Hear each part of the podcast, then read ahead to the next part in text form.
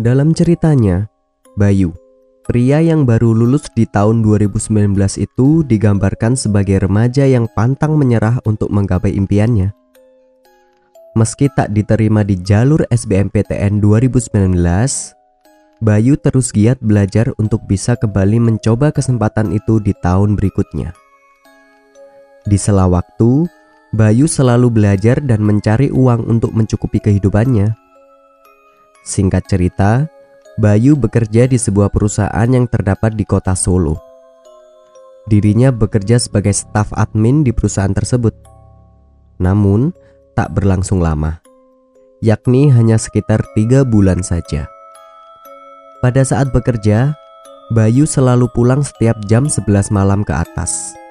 Mungkin pulang jam kerja tersebut merupakan hal yang lumrah bagi kebanyakan orang.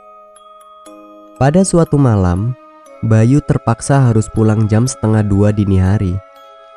Entah, pada malam itu apa yang membuatnya menjadi takut untuk pulang ke rumah.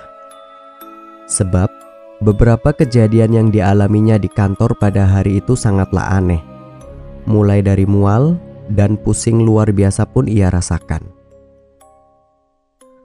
Pada saat merasakan mual, ia langsung bergegas ke kamar mandi di lantai satu. Entah apa yang ada di dalam pikiran Bayu. Ia seketika langsung mengingat jika hari itu adalah malam Jumat. Malam Jumat memang bagi kebanyakan orang pasti malam yang menyeramkan, tapi tidak dengannya. Bayu justru sangat menyukai malam Jumat. Semenjak kecil, malam Jumat menjadi malam yang baik dan malam yang penuh kesenangan baginya. Pada saat di kamar mandi itu, ia berpikir mengapa malam ini tidak begitu menyenangkan dan terasa ingin pulang ke rumah sangat berat. Bagaimanapun keadaannya yang letih, capek dan pusing itu harus ia lewati. Hingga akhirnya malam itu pukul satu dini hari ia memutuskan untuk pulang bersama rekannya. Ia selalu pulang bersama rekannya sampai di pertigaan jalan samping kantor. Malam itu, ia pulang paling terakhir dan motornya harus mogok hingga harus di starter lebih dulu hingga 10 menit. Setelah motornya bisa diatasi, dengan kepala pusing, Bayu harus melanjutkan perjalanan dengan perlahan-lahan. Sesampainya di jalan, ia menabrak sebuah mobil dari belakang. Bayu terjatuh dan seperti ada benda berat yang menimpa tubuhnya dari belakang.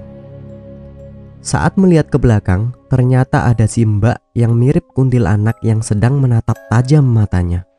Ia tak tahu harus berbuat apa dan hanya bisa terdiam saja. Setelah beberapa detik berpikir, akhirnya ia terbangun dan menghiraukan si mbak-mbak itu. Tidak ada lecet di bagian badannya, cuma hanya ada rasa seperti keseleo di bagian jari tengahnya. Soal mobil tadi yang menabraknya, ia mengecek hanya ada lecet sedikit saja dan tak ada seorang pun orang di dalamnya. Apalagi posisi mobil itu berada di samping jalan depan kebun kosong dan tidak ada orang satupun di jalan tersebut. Setelah itu, ia menoleh ke belakang dan ternyata Mbak Kunti itu sudah tidak ada. Dengan rasa bingung, ia pun langsung melanjutkan kembali menyetir motor itu dengan keadaan badan yang sangat berat. Sambil merenungi dengan kecepatan motor 40 km per jam, ia masih memikirkan Mbak Kunti dengan rambut panjang yang menjuntai ke tanah itu. Ia berpikir, mengapa ketika ia terjatuh, Mbak Kunti itu juga ikut jatuh di belakangnya. Setelah dipikir, ia baru ingat ternyata Mbak Kunti itu pernah dia lihat saat tujuh hari yang lalu. Sesampainya di rumah, ia langsung cuci muka dan badan dan masih penasaran dengan Mbak Kunti apakah dia masih mengikutinya atau tidak. Setelah kejadian itu, beberapa hari kemudian, Bayu berinisiatif untuk main bersama pacarnya ke Tawang Mangu. Dan mengapa ia harus melihat Mbak Kunti itu lagi di pinggir jalan?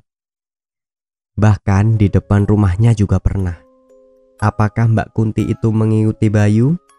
Yang jelas, setelah kejadian itu, ia memutuskan untuk keluar dari pekerjaannya. Bekerja dengan pulang larut malam adalah hal yang berat. apalagi jika ada kejadian yang tak terduga di jalanan. Setelah itu, ia harus menganggur terlebih dahulu sembari belajar mengikuti SBNPTN 2020. Bayu sudah bertekad akan kuliah di mana saja jika dia diterima SBMPTN lagi. Yang penting ia kuliah sambil menentukan minat dan bakatnya di bidang fakultas yang ia ambil. Setelah ia keluar dari pekerjaannya, Bayu sudah jarang bertemu dengan Mbak Kunti itu lagi. Bahkan, bisa dikatakan kini Bayu mulai rindu dengan kehadiran sosok gaib tersebut.